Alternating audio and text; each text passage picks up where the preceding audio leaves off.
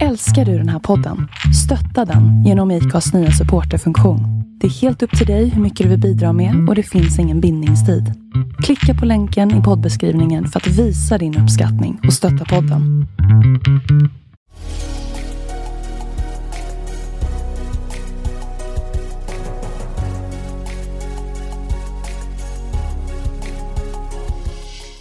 Välkomna till podden Vart är vi på väg? Med mig Jon Skoglund. Och med mig Jonathan Mellblom.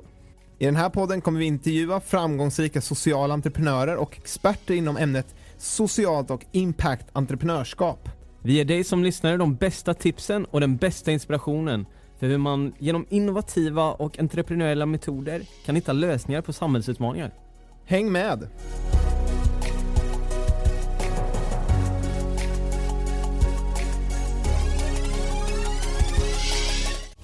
Varmt välkomna till podden Vart är vi på väg? I dagens avsnitt så har vi med oss grundaren av Hygglo, Ola Degerfors. Ja, och Hygglo för er som inte vet, det är en app som hjälper oss konsumenter att konsumera mindre och istället hyra eller låna saker av andra och på så sätt kan man tjäna pengar genom att hyra ut till andra.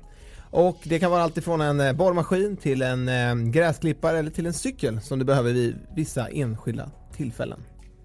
Ola har tidigare grundat Tidningskungen och har eh, mycket erfarenhet kring att starta och driva företag och eh, vi får med oss många bra tips och erfarenheter från detta avsnitt.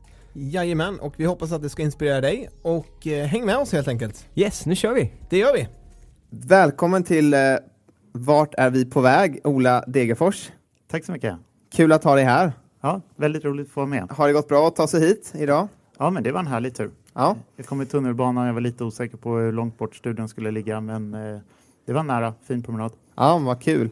Ja, vi sitter här ute i Kista och spelar in på Bling Startup Hub i, eh, ja, i Kista som sagt. Eh, väldigt spännande att vara här. Eh, de gör ett grymt jobb med att hjälpa människor härifrån upp ut i eh, företagsamhet och starta bolag. Yes, eh, men Ola, om vi börjar med dig. Vad, hur ser en vanlig dag ut för dig?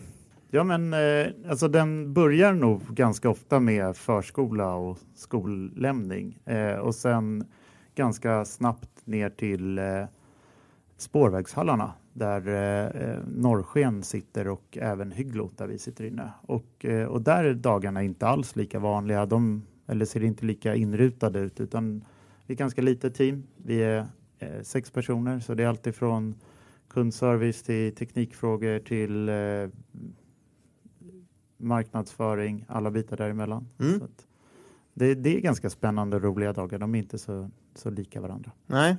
Eh, har du något eh, framgångsrecept då på morgonen eller på kvällen eller på mitt på dagen? Alltså jag tror att jag gillar faktiskt att gå och lägga mig ganska tidigt. Så Ja. sömn är en ganska viktig del hos mig. Ja. Eh, så den försöker jag hålla ganska hårt på. Sen så sen eh, är morgonen är ganska effektiv och, och framåt. Jag är, nog, jag är nog lite tråkig fyrkantig så jag Nice. gör ungefär samma sak. Jag gillar min cykel också. Eh, det, vi kommer säkert prata lite miljö och klimat men där är egentligen inte huvudanledningen miljö eller klimatfrågor utan det är snabbaste sättet att ta sig från A till B och det, det, det gillar jag verkligen med cykeln. Ni säger att du, eller du säger att ni sitter på Norrsken. Det, de har ju verkligen blommat upp här senaste åren med, med många impact eh, startups. Ja, man har verkligen, man har verkligen eh, alltså, fantastiskt fina lokaler. Man har verkligen ansträngt sig för att få in eh, impactbolagen i, i liksom kärnan av Stockholm och man har gjort en väldigt, väldigt bra miljö där. Eh, så det är, ett- det är ett spännande kontor. Mm. Eh, väl värt ett besök. Tycker Kul! du, tycker du att det har gynnat er att sitta bland andra liksom, impactbolag där? Eh, ja, alltså det gynnar oss. sätt? Ja, det gynnar oss att kunna vara associerade med Norrsken i vissa sammanhang. Eh, sådana här sammanhang till exempel, när, när vi kan komma ut och berätta vilka vi är och vad vi gör. Eh, vid rekrytering och liknande situationer. Sen så i vårt vardagliga arbete så, så eh, är det inte viktigt för oss att sitta just där. Om vi eh, backar ända ba tiden bak till du var barn då. Hur såg uppväxten ut? Ja, Men eh, den var ganska mycket så här föreningsliv tror jag. Idrott var en stor del av mitt liv. Eh, Jag är uppvuxen i Sollentuna med mamma, pappa och två bröder. Eh, och många av oss, eller alla av oss, var engagerade i, i flera olika idrotter. Så idrott var en ganska stor del. Och typ kanske 15-16 års ålder där någonstans som, som det var en väldigt stor del. Vad har du annars ägnat dig åt?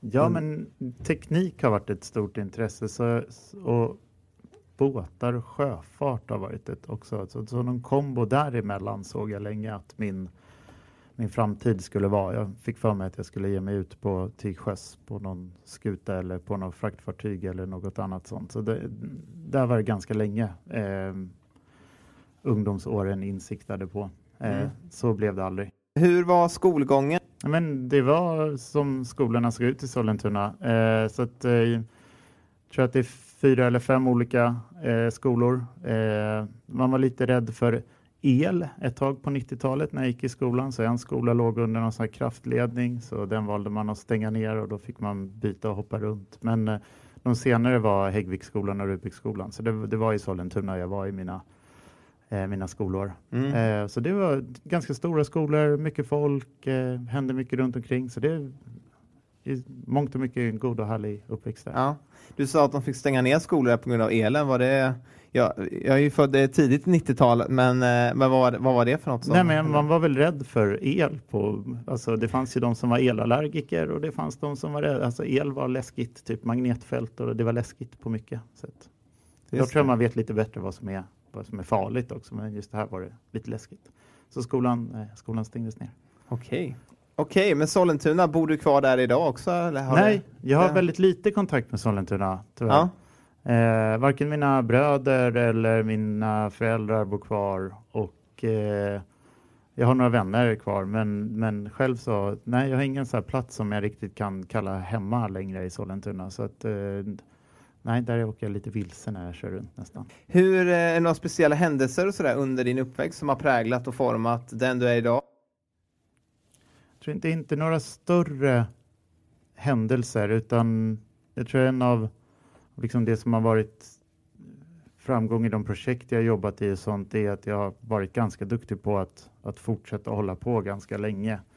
Eh, och, och så tror jag också ungdomsåren var. Det var eh, jag engagerade mig i den här fotbollen ganska länge. Jag var med i, så att jag, jag tror att det är inga så här stora dramatiska mm händelser som jag tror har format mitt liv, utan många små pusselbitar som har byggts på. Mm. Eh, men då är det kanske en uthållighet som du har någonstans eh, inom dig? Jag tror det. Ja. Tro, vad, kan du se vart det, var det kan komma ifrån eller finns det i familjen eller finns det i... Kanske, det är inget jag reflekterat jättedjupt över, så att jag, jag har inget direkt klokt svar där. Jag gill, gillar att springa, det gillar jag också att göra ganska långt, så det Ja, finns även med där. Ja vad kul. Ja, jag springer också en hel del. Vad, brukar du springa långlopp då eller hur? Upp till maraton vågar jag ge mig på, men Mm. inte, inte längre än så. Så jag är ingen sån här fanatiker som har vågat ge sig på de här jättelånga grejerna. Nej, jag har en kompis som springer en sånt där 8-9 milslopp i, i sommar. Så han är ute och tragglar varenda helg nu. Ja, men jag kan vara, jag kan vara imponerad av att och läsa om dem och följa dem lite på sociala medier och så. Så att jag, jag, jag har ett visst intresse av även, även det. Men jag, jag har inte, jag vet engagemanget som måste in och det har jag inte. Nej, precis. Nej, det är en del tid som krävs. Ja, de här äh, sista långloppen innan, innan maraton, de är ganska tidskrävande. Eh, men också ganska äh, äh, befriande. Man, man blir inte störd av, av allt som finns runt omkring. Nej, eh, jag, jag tycker det är verkligen ett sätt att eh, vila hjärnan och, och få lite tid att reflektera och löpningen funkar jättebra och liksom nära meditationsbiten för mig. Så meditation är ingenting jag, jag utövar själv men löpningen tycker jag fyller liksom stora delar av den funktionen. Mm. Kan du se att du, eh, du får mycket klarhet i saker under träningen? För Nej, det- snarare tvärtom. Att det Okej. är avstängt. Jag Ja, det ser nästa stänger- lyktstolpe och eh, dit ska jag ta mig och sen ska jag ta mig ytterligare lite till. Så det är mer i sådana fall vila eh, eller rensa än, än inspiration eller, eller idéer. Eh, där behöver jag människor runt omkring mig snarare än, än, än ensamheten. Mm. Ja, för det här med med meditation och ta tid det är ju kanske ännu mer viktigare i den, det samhället vi lever i idag, just när du är ständigt uppkopplad. Eh, vi prat, jag pratade här tidigare om det här med mobiltelefoner och när, när vi gick i skolan så var inte det ens ett problem. Idag har du problem, eller du har frågeställningar som inte fanns tidigare och hur, eh, hur man lär sig att stänga av eh, och koppla på. Mm. Eh, jag kan tänka mig för er som, vi kommer komma in lite mer på det här sen, men för, för er som lever förmodligen i en ganska hektisk vardag med, med tillväxt och sådär så är det väl viktigt att hitta de här eh, stunderna. Känner du att du gör det? Ja, men Eh. där tror jag, då, då är nog löpningen den som är bäst. Jag lyssnar inte på musik, jag tar inte med mig mobilen. Jag eh, har i och för sig massa klockor som mäter massa saker på kroppen som jag eh, efteråt ibland tittar på. Men, eh, men där i stunden så har jag inte med mig någonting. Och det är sällan jag springer med någon annan utan oftast själv och jag tycker, tycker bäst om att göra det själv också. Mm. Under din uppväxt, hur har, du, hur har det här med samhällsfrågor och utmaningar och, och lösningar på det engagerat dig? Är det något som, som har funnits under längre tid eller något som har kommit på senare tid? Pr- Primärt har det kommit på senare tid och skulle jag liksom fundera och reflektera lite över det så var det i sådana fall det här föreningslivet som var där jag var engagerad i, i någon form av så sam. Men det, där var ju drivkraften idrotten snarare än, än, än eh, föreningens roll i samhället. Eh, och eh, sen så har det varit teknik eller mekanik som har varit intressant och jag tyckt och det har ju också drivit en viss samhällsförändring men det har nog också varit med, med liksom prylen eller saken eller tekniken i fokus än, än förändringen som det kan leda till eller göra. Så att, så att eh, de frågorna har växt Eh, på senare tid snarare än alltid funnits med mig. Mm. Eh, kan du, men precis med föreningslivet är ju något som Sverige är ganska unikt med. Eh, även kring musik och det här allmänna eh, ja, men musikskolan och du, får, du kan gå på studieförbund och eh, föreningslivet är väldigt rikt i Sverige. Kan du, har du, vad är dina tankar kring det här? Varför är det viktigt? Varför behövs det? Eller kan det behövas på ett nytt sätt i framtiden? Men jag tror att vi gör det ganska bra som, som vi har gjort det historiskt. Musiken är en värld och en bransch jag inte riktigt kan. Jag kan bara utifrån reflektera över att vi har liksom fantastiska artister och, och vi har en blomstrande och jättestor industri runt omkring det och att, att det just finns möjlighet att, att kunna få en replokal, att kunna få lite ersättning för att ha sitt band eller grupp och, och så vidare. Det, det måste vara väldigt goda förutsättningar för att det ska ske och lyckas. Yes, men eh, hur eh, kom du in på den här banan med entreprenörskap och, och företagande? Har det varit naturligt för dig i din uppväxt? N- nej, det har nog inte varit eh, så nära mig. Utan det var min första arbetsplats som var en eh, ISP, alltså en internetleverantör. Eh, leverantör, eh, som var ett entreprenörsdrivet bolag. Eh, startat av en eh, kille som var 16 år då, Solskens solskenshistoria på mormors vind eh, som växte och blev väldigt stort och, och, och där fick jag vara med på delar av den resan. Så att jag tror att det var där, var där jag fick en bild av vad, vad innebär att vara entreprenör, vad, vad kan man göra, vad kan man skapa. Eh, så att eh, det var så mitt intresse och det var så som jag halkade in på entreprenörskap. Hur gammal, hur gammal var du då? Eh, jag var nog 2021. Det var ungefär vad medelåldern på det företaget var vid det tillfället också. Så att, eh, eh, mitt första egna företag startade jag när jag var 21 så att det här var eh, åren precis innan det. Hade du pluggat någonting innan eller kom du direkt från gymnasiet? Nej, jag kom direkt från gymnasiet och sen en sväng i flottan så jag fick en liten smak av det här att vara på sjön. Eh, jag vet inte om jag blev avskräckt men det var i alla fall, jag kände inte att det var någon framtid för mig. Och, och, eh, sökte jag jobb och fick det på det här, Winisi som det heter. Vad var din roll på internetbolaget? Eh, säljare, jobbade med kundservice och försäljning där. Okej, så du har ingen IT-bakgrund? Nej. egentligen? Nej, Eh, jo, ditt eh, första bolag där när du var 21 år gammal, eh, vad var det för någonting? Tidningskungen heter det. Det är ett företag som eh, säljer magasin och tidningar. Eh, den första produkt vi hade var ett paket i företag med väntrum. Så vi tog tillbaka de tidningar som blev osålda på Statoil, Pressbyrån, dagligvaruhandeln och så vidare. Eh, det var väldigt stora volymer fick vi reda på. Uppåt nästan 50 procent av det man skickade ut blev aldrig sålt utan gick just till återvinning eller man eldar upp det så är energiåtervinning. Eh, och där tyckte vi verkade lite dumt och inte speciellt effektivt och smart. Eh, så då satte vi ihop det här paketet och just började ringa och kontakta eh, väntrum. Eh, det i sin tur gled sen över till till att vi också till konsumenter sålde prenumerationer över internet. Så det var en e-handel där man kunde hitta någonstans runt 3-4 tusen olika magasin att prenumerera på, svenska och internationella. Spännande. Kan du, kan du berätta mer om hur ni hittade den här idén? Hur eh, kom den till? Ja, men vi, eh, jag startade det företaget med en vän som jag hade som vän sedan gymnasietiden. Johan heter han. Eh, och han jobbade på ett tidningsförlag så att eh, kunskapen om hur man trycker och distribuerar och säljer tidningar fanns hos Johan. Eh, och det var, det var så vi fick reda på att just eh, väldigt stora volymer inte blir sålda utan man skickar tillbaka och det fanns inte egentligen någon, någonting som som gjorde att det var, det fanns inget incitament att få ner den här volymen utan för ett magasin så är det ett skyltfönster där man kan visa sitt varumärke. Eh, människor kan läsa framsidan och är det en populär tidning man har fått ut så om det tar slut i butiken så är det ingen som kommer kunna köpa den så därför är det bra att ha lite över, över exemplar där. Att, att trycka någonting när pressarna är igång är inte jättekostsamt och för distributören så hade man också en extra avgift när man tog tillbaka eh, magasinen ifrån butiken. Så det fanns liksom inget riktigt incitament eller någon som såg det här som ett problem överhuvudtaget utan man tryckte väldigt mycket och så skickade man ut det.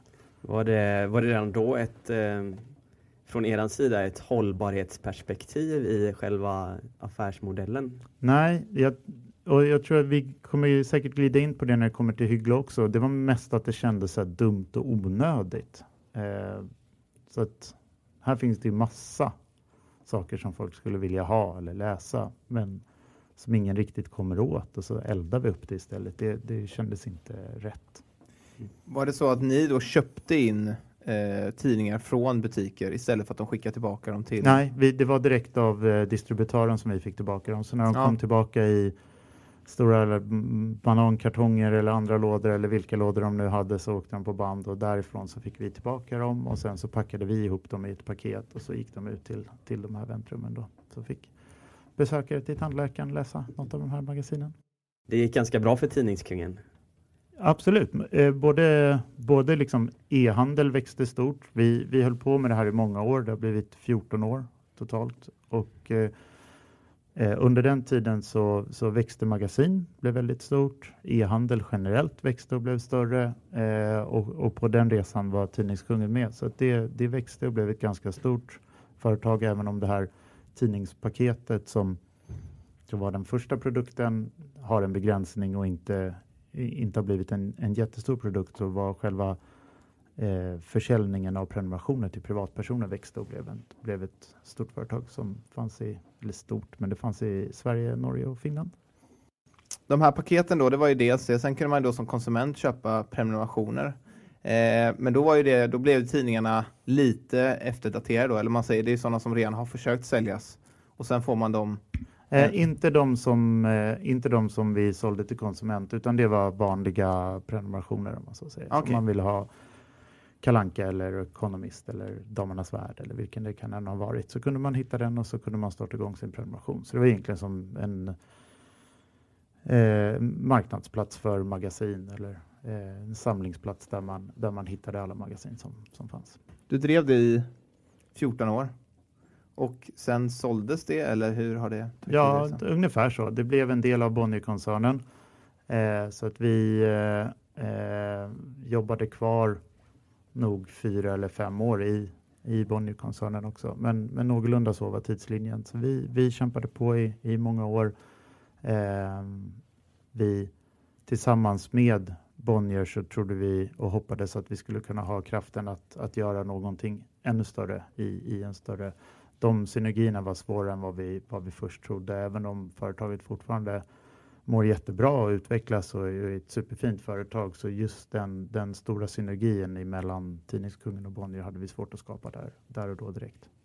Vad är du mest stolt över att ha åstadkommit med den här resan som Tidningskungen har, har gjort?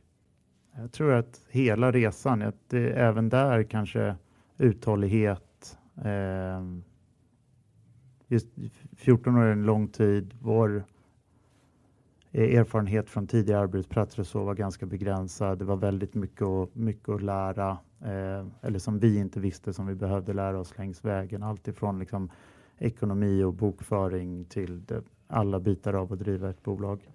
Eh, så så den, den resan är nog hela det som, som jag känner mest stolthet i eller tycker har varit mest spännande och roligt med det. Har ni haft några motgångar eller misslyckanden på vägen med Tidningskungen som eh, du vill berätta om? Säkert jätte, jättemånga, men vi, även där så försökte vi vara eh,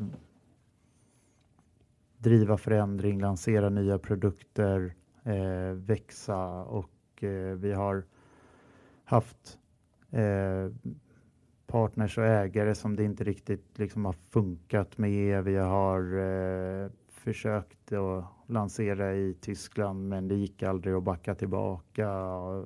Eh, ett gäng olika produkter eller tjänster som vi har försökt få ut har liksom aldrig riktigt fått fäste eller varit fel eller prissättningen har varit dålig eller någonting annat. Så det har varit, det har varit ganska många, men, men det har vi ofta pratat om är liksom en del av att driva, driva företag. Så där och då så, så är det självklart jättetråkigt och en besvikelse, men, men inte ett sånt här misslyckande som helt slår ner en, skulle jag säga.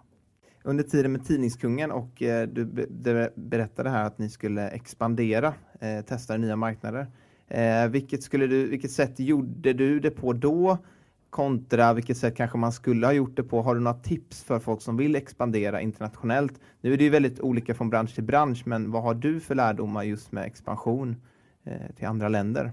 Det, det, är ju väldigt specifikt i, i eh, kan man förflytta sig med kunder eller med någon leverantör så är det nog att, att föredra att starta från, från noll eh, så är liksom att förflytta kultur en jätteutmaning, så det måste man diskutera och för, verkligen förstå. Eh, och, och att hitta de personerna på plats som kan brinna lika mycket för det som man själv gör att, och, och kunna föra över den här kulturen och bygga upp det därifrån. Där, det är jätte, jättekomplext.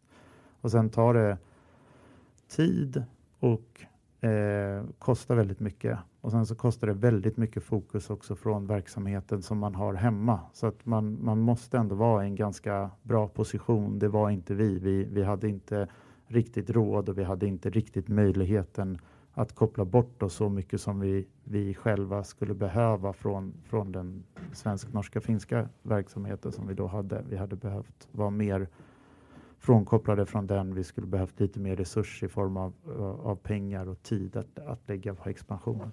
Så det är väl att man är i en position där man klarar av det. Eh, för det kommer ta lång tid, det kommer vara kostsamt och det är ganska slitigt och, och då behöver man ha möjlighet att, att ge allt på den nya platsen. Vad är dina viktigaste och bästa tips just för det här med företagskultur och bygga den? Oavsett vad man står för så vad är viktigt för dig att sätta en tydlig kultur i företaget? Det är nog så enkelt att man, att man måste prata och diskutera det så att alla, eh, för alla hör orden och alla, men man tolkar det på olika sätt. Så vad innebär det för, för de olika individerna? Vad innebär det här för de olika avdelningarna? Vad, vad innebär det här i stort? Så att man, man ger det tid att diskutera igenom det. Och sen så är det ett ganska tidskrävande och, och, och stort arbete och sen så börjar tre nya personer och, och då ha kraft att, att ta tag i de tre nya och göra samarbete igen och sen samarbete igen. Det, det, det kräver mycket, mycket energi. Väl värt det, men, men det kräver mycket och där, det skulle jag säga är det viktiga då. Mm. Mycket kommunikation helt enkelt. Ja. Och det är väl alltid jättesvårt. Hur skulle du beskriva eh, företagskulturen på Tidningskungen? Vad var mm. signifikativt för den? Men vi, det var mycket försäljning som vi jobbade med så att eh, det var en ganska liksom, resultatinriktad organisation och är fortfarande det. Eh, eh, och, och, kring liksom, försäljning och marknadsföring eh, där vilade också kulturen. Eh, så att vi var inte eh, från startpunkten var vi inte tekniskt jättestarka. Vi hade inte utan där vi var, var starka och duktiga och som också bar kulturen var just kring kring att prova saker, kring att och vara skickliga på, på marknadsföring och, och förstå hur det fungerar. Det här med att prova saker, är det viktigt eh, att sätta en kultur där det är tillåtet att misslyckas och att medarbetare kan känna sig fria att testa nya saker? Ja, och, och att förändring i eh, någonting som, som många eller alla tycker är lite jobbigt och även det en del av kulturen att förändring behöver liksom inte leda till någonting som är en försämring eller någonting dåligt så att man, att man får testa, att man får misslyckas och att förändring eh, är någonting positivt och någonting som man vill genomföra och göra. Idag så driver du ett företag som heter Hygglo. Eh, och eh, jag tror att många har säkert varit inne på appen och använt sig av den. Eh, jag tycker det är en väldigt spännande idé. Du ska få berätta mer om det också. Eh, hur var det att sälja ditt eh, tidigare bolag och gå in i ett nytt? Eh, var ni flera som gick in i det nya samma eller var du själv tillsammans med helt nya ägare? Hur såg det ut där? Om man börjar bara med den övergången. Nej, men det var det med nya. Vi är tre grundare av Hygglo där jag är en av tre då. Eh, och en kände jag sedan tidigare och en kände jag inte sedan tidigare. Eh, så det, det, är en helt ny konstellation och ja, det hade varit länge på Tidningskungen och det var dags att göra någonting nytt. Och jag fick kanske inte jättemycket tid, men lite tid att reflektera vad jag ville göra och bygga bolag är väldigt roligt och väldigt spännande och det var ganska klar över att jag ville göra igen. Och, och idén med Hygglo är, den, vi brukar varken säga att den är våran eller unik, utan den, den har funnits. Det är ganska vanligt både på sociala medier och i kundservice och annat att folk skickar in till oss så här. Oh, jag tänkte på det här för fyra år sedan, så här, rackarns att jag inte gjorde något åt det. Mm. Eller så, en av våra investerare i Schibsted, jag gissar att det går, alltså det är mer än tio projekt som varit uppe och pitchat idéer snarlika Hygglos där. Så att det, det, är liksom den delen inte riktigt. Det var inte någon jättesvår grej att knäcka idén om man så säger. Den, var ganska, den är ganska självklar. Den var ute där den fanns. Um, som med jättemånga företag och även med Hygglo så är det snarare så här timing och execution som, som är avgörande om det kommer bli bra. Och timingfrågor är jättesvårt att svara på, eller vi har tyckt i alla fall att det är jättesvårt att svara på. Vi, vi kunde väl se att det inte är för sent. Det, det, finns liksom ingen stor lysande stjärna, det är ingen som har tagit den här positionen. Men, men är det för tidigt? Det var supersvårt att svara på. Mm. Eh, vi tyckte att det var många signaler runt omkring om hållbarhet, klimatfråga, alla de bitarna som, som gjorde att det, det borde vara rätt timing. Och sen så var det verkligen rätt timing för oss tre. Vi alla kände att det var dags att, att göra någonting nytt. Så utifrån det interna perspektivet så var det i alla fall rätt timing. Så vi bestämde oss för att köra igång. Eh, och, och, på execution-delen så kände vi väl att ja, men vi har en bra samlad erfarenhet här. Det här ska vi nog kunna göra någonting bra med. Och när vi tittade på de aktörer som, som fanns runt om i Europa och i Sverige så eh, tyckte vi att en del har varit lite naiva eh, kring hur svårt det är att bygga en marknadsplats. Att bygga funktionaliteten och få, få plattformen på plats, det är, det är ett steg, men att få, få marknadsplatsen att fungera, det, det kräver ett väldigt commitment. Eh, det kräver en hel del resurser i tid eller pengar eller vilken resurs man har som man kan stoppa in i det. Och där, där tyckte vi kanske att, att man hade varit lite naiv, så vi, vi tyckte på execution att här finns det utrymme för ett försök till. Eh, och det var grunden i att vi startade igång. Kommer de också från eh, egna bolag sedan tidigare som de varit med och startat eller var det här deras första? Eh, ja, Henrik har varit med och startat ett bolag som heter Mentimeter som är en tjänst där man gör presentationer interaktiva. Så att han har erfarenhet sedan tidigare från att driva bolag och kände sig peppad på att ge ett nytt försök. och Axel har jobbat mest som egen konsult kring, kring marknadsfrågor eller eh, marknadsföring online. Just det. Kul! Hur, eh, hur träffades ni? Ja, vi, vi träffades, eh, jag och Axel känner varandra genom våra flickvänner som känner varandra. Så att vi har träffats på middagar eller liknande evenemang några gånger, eller ganska många gånger. Eh, och Henrik var en gemensam vän mellan Axel och Henrik eh, som satt ihop oss. Ja, Spännande. Så där var det mer intervju eller ut och fika och prata. men ganska snabbt kände vi att det här kommer eh, funka väldigt bra. Henrik har en stark teknisk bakgrund och en djup förståelse.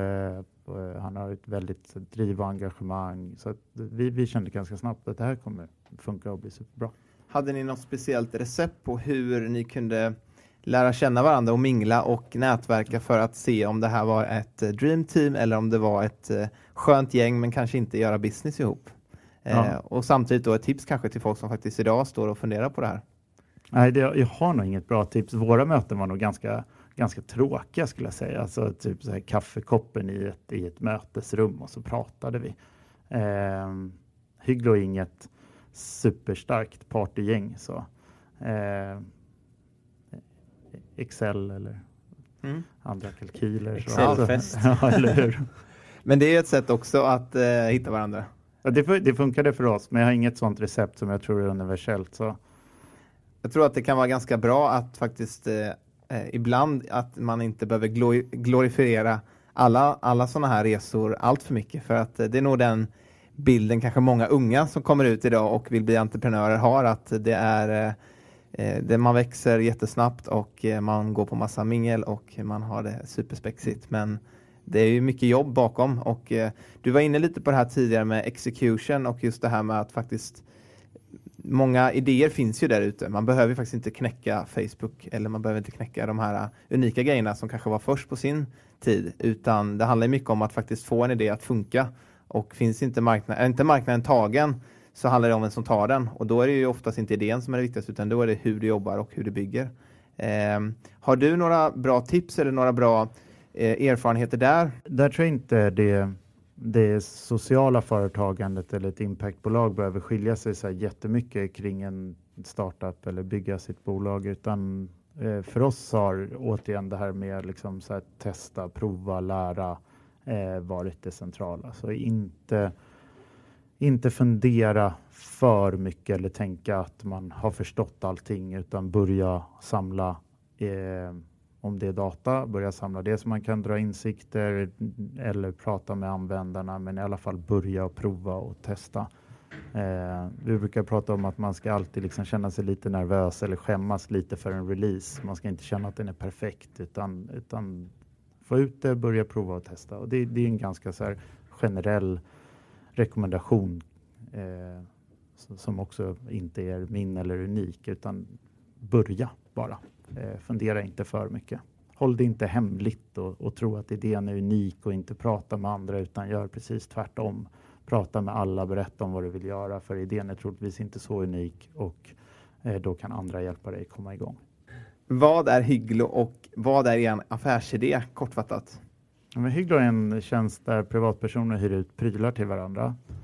Eh, så att det är allt ifrån takboxar till elektronik och campingtält och allt däremellan.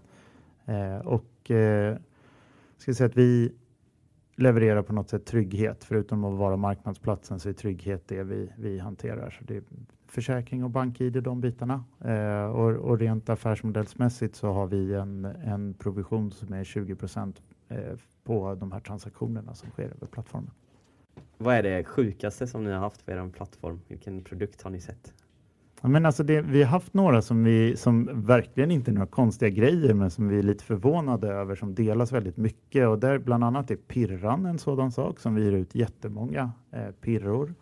Eh, just nu hyr vi ut jättemånga vertikalskärare. Innan jag jobbade på Hyggla hade ingen aning om vad det är men den skär i gräsmattan så det kommer ner eh, luft och tar bort eh, rötter från mossa och annat sånt där så det blir grönare och vackrare på gräsmattan. gräsmatta men sen så har vi en ganska stor så här festkategori och med fest kan det hända, då ska det vara lite galet och spexigt. Så där finns det ju allt möjligt i form av eh, maskeradkostymer och annat sånt som, som kan anses som lite så roligare och spexigare grejer. Brukar du själv använda Hygglos tjänster? Ja, med en ganska stor uthyrare. Eh, jag har lyckats samla på mig massa prylar som jag inte borde ha gjort, men som jag har. Så jag, jag hyr ut ganska många saker.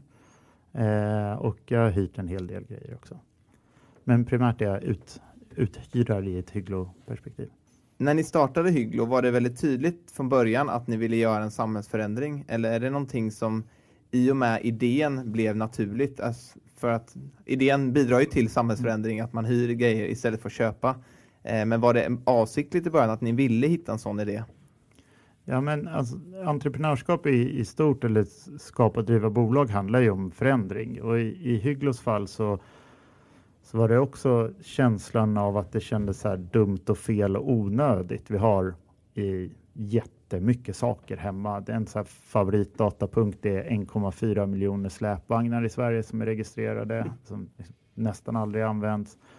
Eh, och, och det, var återigen så känslan av att det här är så fel och onödigt och dumt. Det var där någonstans som, som vi började.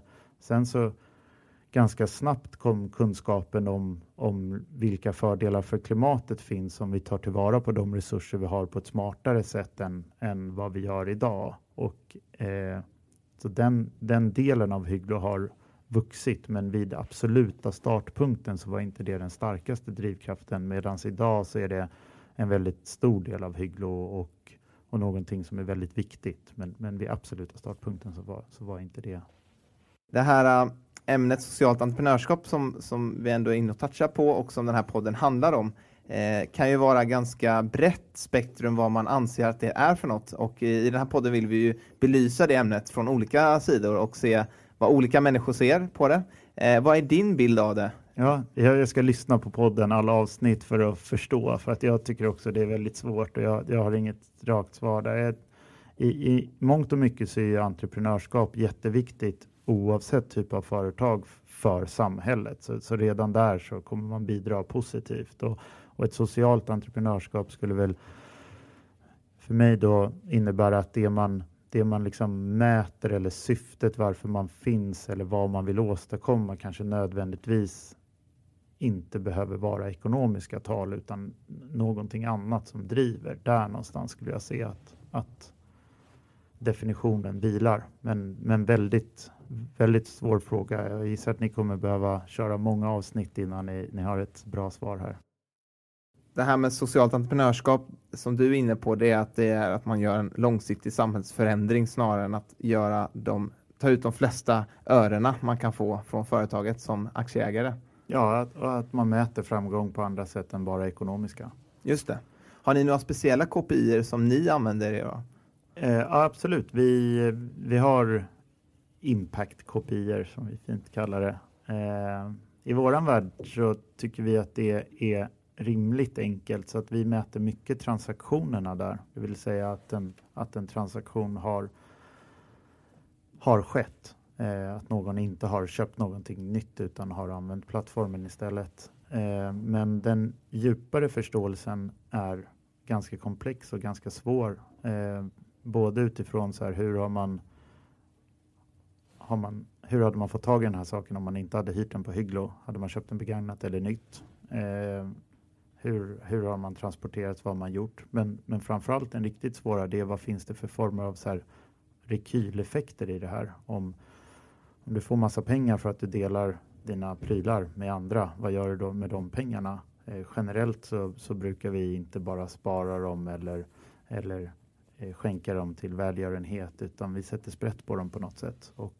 om det man använder pengarna till är för klimatet sämre än att man delade sin vedklyv så, så kanske nettoeffekten är minus och inte plus. Och det, det, där är en jättesvår fråga och den, den, det vet vi inte. Vi har varken liksom kunskap eller resurs kring att, att klara av och svara på den rakt igenom. Utan där behöver vi hjälp av eh, forskare och och projekt som liksom kan analysera det här över tid och, och se vad är den så här, riktiga effekten. Så, så, idag mäter vi liksom impact utifrån i princip transaktioner. Eh, framåt så hoppas vi att kunna ha ett svar på vad så här, bidrar Hyglo på riktigt med inräknat allt och inte bara det som, som vi idag vet och som är positivt för oss.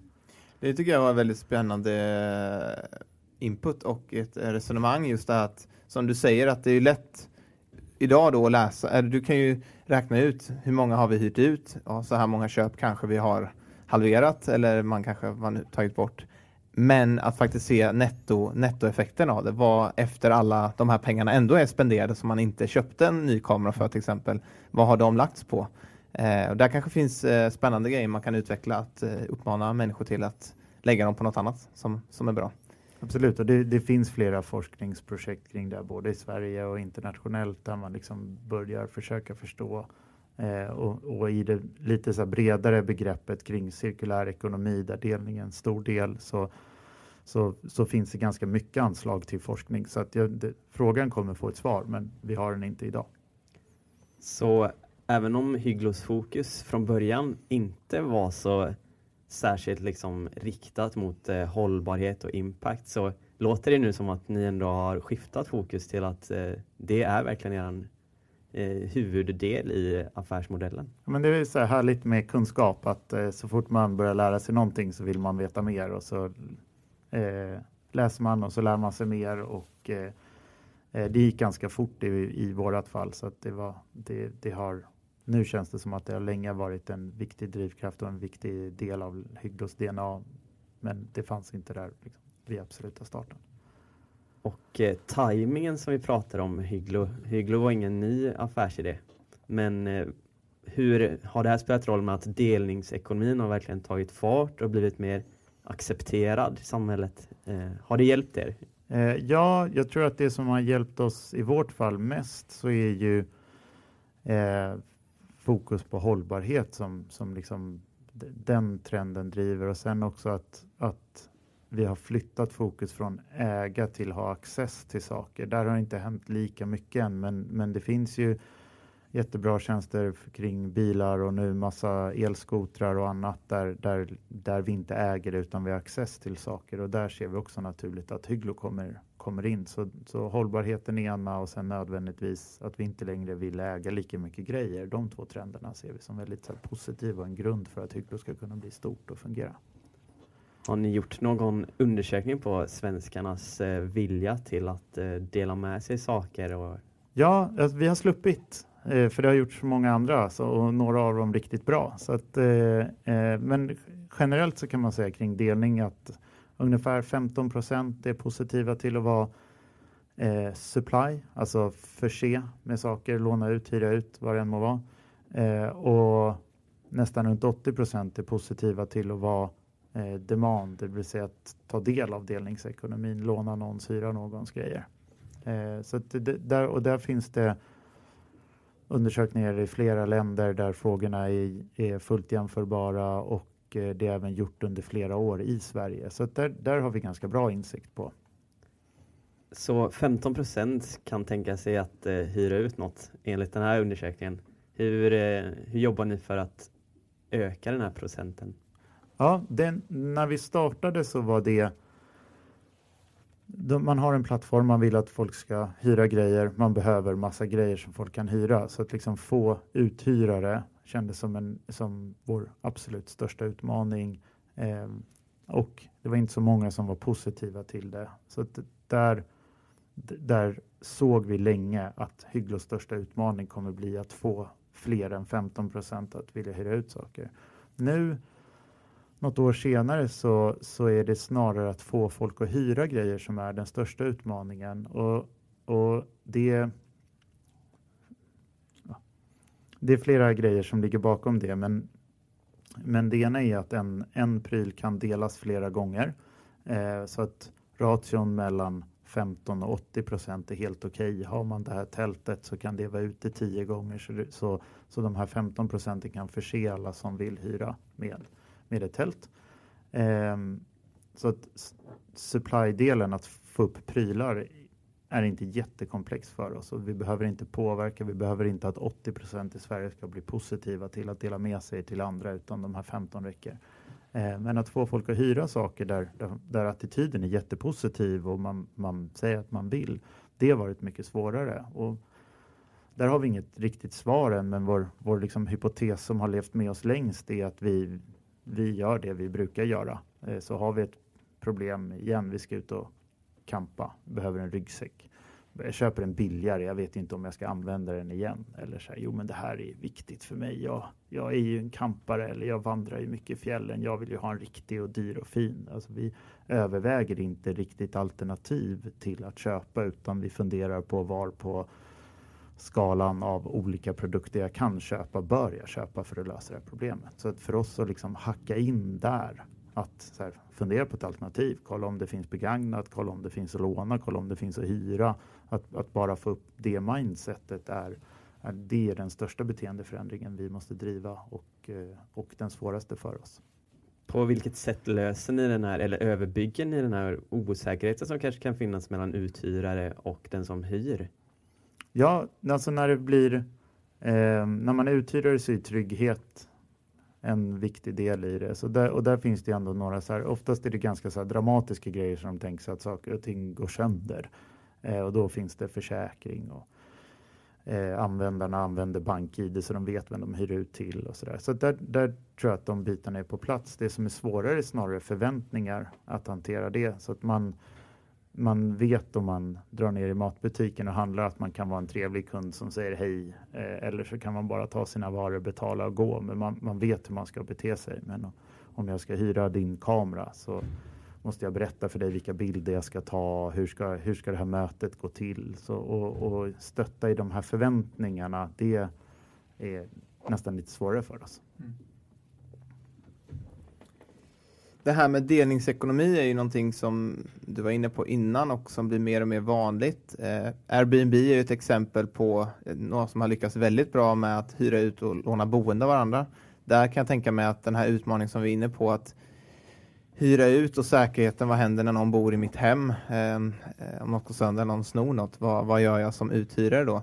Ni, I ert fall så hyr ni ut produkter oftast. Eh, är det några speciella trender i det här ni har sett att det har blivit enklare för folk att hyra ut ju mer det här har blivit vanligare? Ja, för återigen så är det ju så här, för uthyrarna är trygghet viktigt. Och där har vi sett att, att plattformar kan driva trygghet genom transaktioner så att, man, att jättemånga har hyrt ut på Airbnb gör att andra känner sig trygga med att det fungerar och det kan vi också se så att även Eh, alla orkar inte läsa alla villkorstexter och FAQ och även om vi försöker vara jättetydliga och transparenta med hur försäkringen funkar så är det inte alla utan man, så här, jag ser att det är väldigt många andra här som använder det här, alltså funkar, alltså vågar jag också. Så att en del av tryggheten är liksom bara att tjänsten fungerar och att den fungerar på ett sådant sätt som, som användaren tänkte sig att den skulle fungera.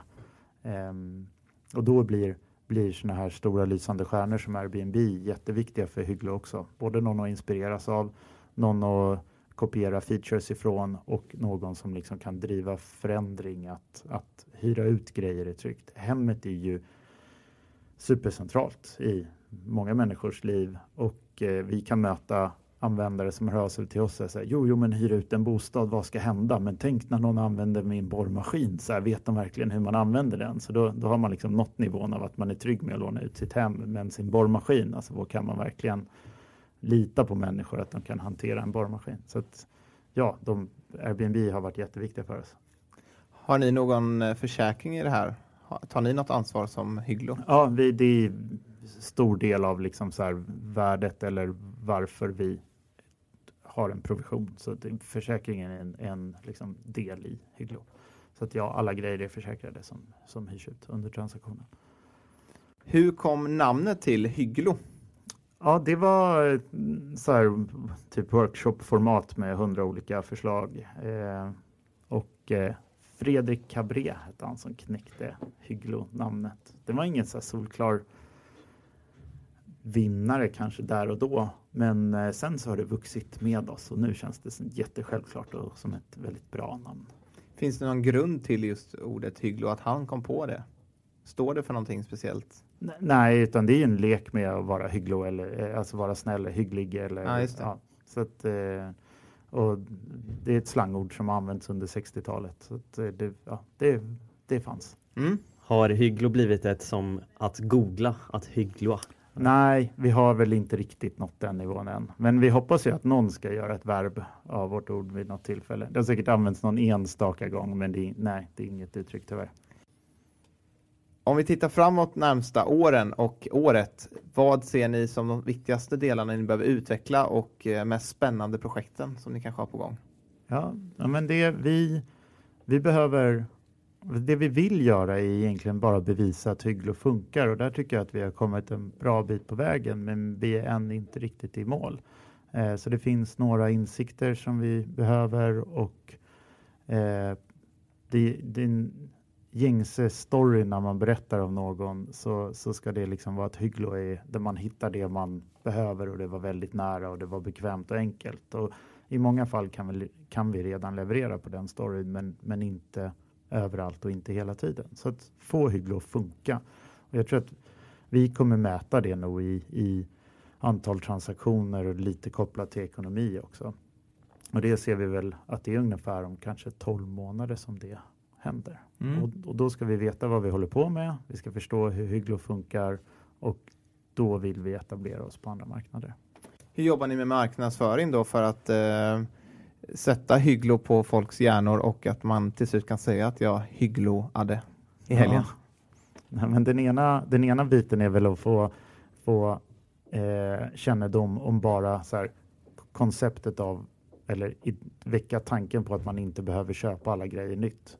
Eh, och då behöver det nödvändigtvis inte vara att man måste hyra på Hygglo. Man kan faktiskt köpa på Tradera eller låna eller göra någonting annat. Men bara att liksom så börja väcka tanken kring att finns det ett annat sätt att lösa det här problemet än att jag går och köper någonting. Eh, och det blir någon form av awareness, lite bredare, generell, ganska visionär eh, information som vi försöker få ut. Det gör vi lite av.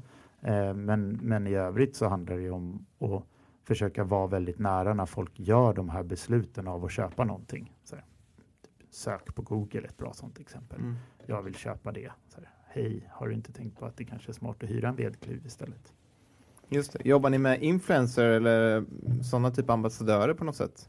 Ja, vi har gjort lite tafatta försök, men ingenting som vi riktigt har aceat än. Men jag hoppas att det är någonting vi ska kunna bli vassa på och jag tror att Hygglo eh, har en väldigt bra grund och förutsättning för att kunna bli bra på det. Så jag, jag tror att det finns många influencers och, och eh, ambassadörer som gärna skulle vilja prata mer om frågor som är viktigt för Hygglo. Men nej, det är ingenting vi har gjort jätte, jättebra än så länge. Mm. Det här med att väcka medvetenheten hos eh, potentiella konsumenter och användare av Hygglo. Eh, vi har sett att ni använder en sajt, eller står bakom en sajt som heter Prylsvinn. Ja. Kan du berätta lite om ja, det? Ja, det var ett initiativ som vi tog tillsammans med ett gäng andra eh, både organisationer och företag där vi, där vi skrev en debattartikel eh, kring Prylsvinn, alltså hur grunden handlar om att vi, vi tillverkar massa saker som, som egentligen inte är gjorda för att användas. Alltså, det finns en så datapunkt som är en borrmaskin används i, under sin livstid i 13 minuter och det här, det här vet man från tillverkarhåll så det är ingen idé att göra någonting som, som håller mycket högre kvalitet för ingen kommer använda det. De går inte riktigt att och laga och reparera, det vet vi alla med allt ifrån liksom telefoner till hemelektronik till annat. Man, när, det, när det går sönder så slänger man det. Det finns inget sätt att liksom ta tillvara på det. Eh, och det vi väl köper använder vi väldigt lite. Så det, det, det är liksom så tre problem. Vi designar inte grejer för att de ska användas. De går inte att laga och reparera och det vi väl har hemma använder vi inte. Och då, då tyckte vi att ett, ett begrepp på det här skulle kunna vara prylsvinn. Och då ville vi prata om det. Och då, då gjorde vi det i den här debattartikeln. Och eh, då ville vi också att det skulle vara någon, någon landningssida om någon var intresserad av mer information. Så ja, det finns en hemsida där också. Hur har det här tagits emot och eh, utvecklats? Ja, men det togs emot väl där och då. Jag tror att det är lite svårt för att det är just så tre ganska komplexa problem i ett ord. Och eh, det är inte så tydligt att man slänger något eller att det är ett svinn när det bara ligger på hyllan och aldrig används. Eh, det finns något så här inneboende i oss att jag har ju ändå det här, det är ändå ett värde för mig och den, den finns där fast den används aldrig. Så det, eh, det är ett sådant liksom, koncept som vi, vi hoppas att vi någon, några gånger per år ska kunna komma tillbaka till och prata mer om. Vad har varit era primära inkomstkällor för att bygga bolaget? Ja, alltså för vi vill vi tror att Hygglo har störst effekt eller störst impact om vi får många transaktioner så att vi inte liksom så värdet av varje enskild transaktion utan samlade värdet av dem tillsammans och eh, bygga en, en marknadsplats är ganska resurskrävande, tar ganska eh, ja men det är resurskrävande. Vi, vi såg att, att då är investerare vägen att gå. Eh, så att vi är ett kommersiellt bolag och vi har liksom pitchat och raggat pengar på, på de sätt som startup gör, pitchar och raggar. Mm. Och vilka har ni fått med er hittills på resan? Eh, ja, men vi har en handfull affärsänglar och eh, våra två större investerare är eh, Norrsken och Schibsted.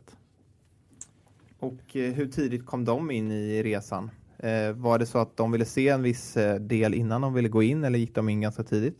Eh, nej, men de, just Schibsted kom med förvånansvärt tidigt tyckte vi, eller för oss var det lite förvånande, men de var med väldigt tidigt. Eh, jag, nu gissar jag bara, men, men jag gissar att det var något så här, ett utvecklingsprojekt som, som det blir typ billigare att investera i oss och titta på om det funkar än att, än att driva och göra det själva. Eh, Medan Norrsken kom väl i ett litet senare skede när, när det i alla fall fanns en aktivitet och en användarbas och, och lite mer. Ja. Även om det fanns ett gäng användare även när Schibsted kom med. Men, men de var med tidigare. Just det här med den sociala biten också. Upplever ni att det blir viktigare hos investerare att, att visa att man är hållbar och att det är en del av affärsmodellen? Eh, det är under inga så omständigheter en nackdel.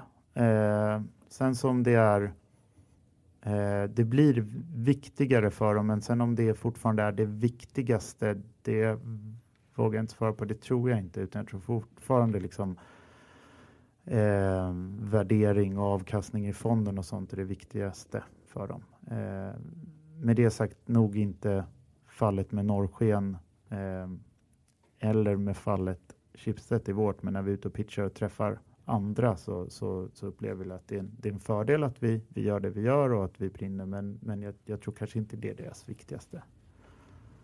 Det är väl ganska spännande också kan jag tänka mig som investerare att se nu att det finns väldigt många exempel på företag som lyckas göra pengar och göra en samhällsförändring. Och det är väl också likadant att när utbudet finns och eh, successstorierna finns så blir väl mer intresserade av att gå in i sådana företag. Man vill kanske inte vara först om man inte är en person med mycket pengar och ett stort hjärta eller en person med ett stort hjärta och i alla fall lite pengar som faktiskt vill lägga in i det. Det krävs ju ett mod och ett, ett extremt överlåtelse till eh, att jobba med förändring för att faktiskt lägga sina miljoner eh, på en idé som kanske inte lika lätt eh, genererar pengar som någonting annat. Mm. Nej, nej, men absolut. Det, ju fler positiva case som kommer ut och, och, och historier om lyckade för, sociala företag, desto, desto mer pengar kommer det, kommer det samla runt det. Absolut.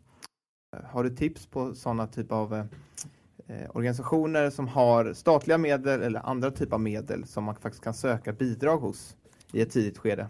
Ja, jag, vi har inte gjort det, men jag, jag upplever att eh, att Vinnova har ganska mycket eh, finansiering kring liksom, problematiken i de globala målen och där är det ju det är ganska samhällstäckande. Eh, och Eh, mycket av det som research och for forskarna vill göra är att testa olika former av hypoteser och där tror jag att det kan finnas en jättebra match mot många bolag. Men, men då gäller det att veta Eh, vilka forskare kan det här området, vilka, men där tror jag i alla fall är värt att lägga lite tid på research och se om det finns något anslag eller det finns någon, någon grupp som jobbar med den frågan som är viktig för en. Yes, vi går in i avslutningen av podden. Vart är vi på väg? Hur tror du att eh, världen kommer se ut om tio år? Kommer vi se en positiv förändring eller kommer det bara se sämre ut? Oj, stora och svåra frågor. Eh, ja, det tål väl att sägas att jag är optimist så att jag, jag, tror att, att vi kommer se en positiv förändring och inte en negativ. Eh, jag, jag, vill tro att om vi tio år så vi kommer kanske inte ha aceat alla de globala målen men merparten av dem. Eh, så att eh, fattigdom, eh, flera av våra sjukdomar kommer vara utrotade. Det, vi, kommer ha ett bättre samhälle än vad vi har idag. Ser du entreprenörskap där som en viktig faktor för att kunna lösa samhällsutmaningar snarare än kanske ansvaret bara ligger hos stater och offentliga organisationer? Ja, det, man måste få med individer och man måste få med företag för att lösa det. Just det. Liksom den frågan som är närmast oss i, i klimatfrågan och, och det är ju ganska bråttom och då, då räcker det inte med att en jobbar utan det måste vara flera. Så, så entreprenörer måste vara, måste vara med i det. Um, det är dessutom ett, ett bra sätt att testa och ta risk. Eh, det är någonting som liksom institutioner och stater generellt inte är speciellt duktiga på. Eh, och, och, där behövs liksom entreprenörerna att prova grejer som, som inte kommer lyckas och prova grejer som kommer att lyckas. Personligen för dig, vilken samhällsutmaning är mest akut och den som du brinner för? Ja, det är klimatförändringarna som, som är den som oroar mig eller som jag brinner mest för.